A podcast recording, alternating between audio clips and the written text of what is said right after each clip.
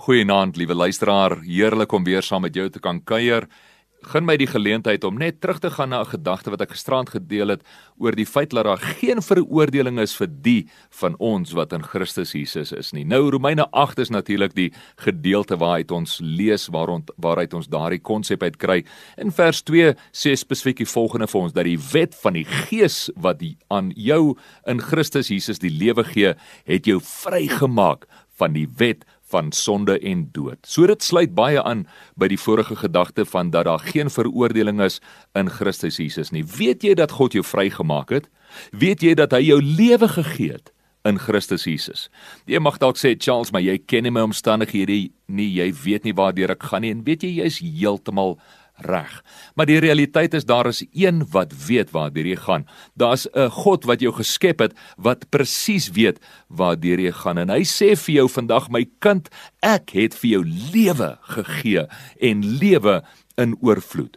Smaak jy dit dalk nie? Ervaar jy dalk nie die lewe in oorvloed nie?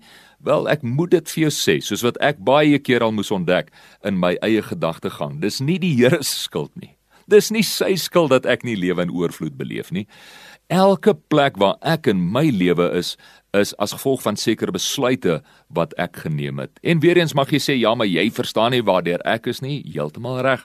Maar weet jy God is al die pad daar saam met jou. Hy het gekom om jou lewe en lewe in oorvloed te gee. Hy het gekom om jou vry te maak van die wet van sonde en dood. Wat jy ook al mag beleef en waartoe jy mag gaan, hoe naar hierdie dag ook al mag gewees het, hoe neerhalend dit dalk mag gewees het wat mense ook teenoor jou gesê het, daardie vergadering waarvan jy dalk wil vergeet. Die Here sê ek het gekom om jou vry te maak en om jou die volle lewe en die kwaliteit van die lewe in oorvloed te gee wat jou beskore is.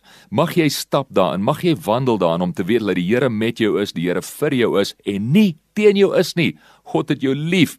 Hy het jou lief en hy het sy stempel van goedkeuring op jou geplaas. Vader, ek bid vir elkeen van die kinders wat nou luister na hierdie uitsending. Mag hulle regtig gevul word met 'n besef van die liefde en die goedheid en die guns van die Here wat alle verstand te bowe gaan in Jesus se naam. Amen.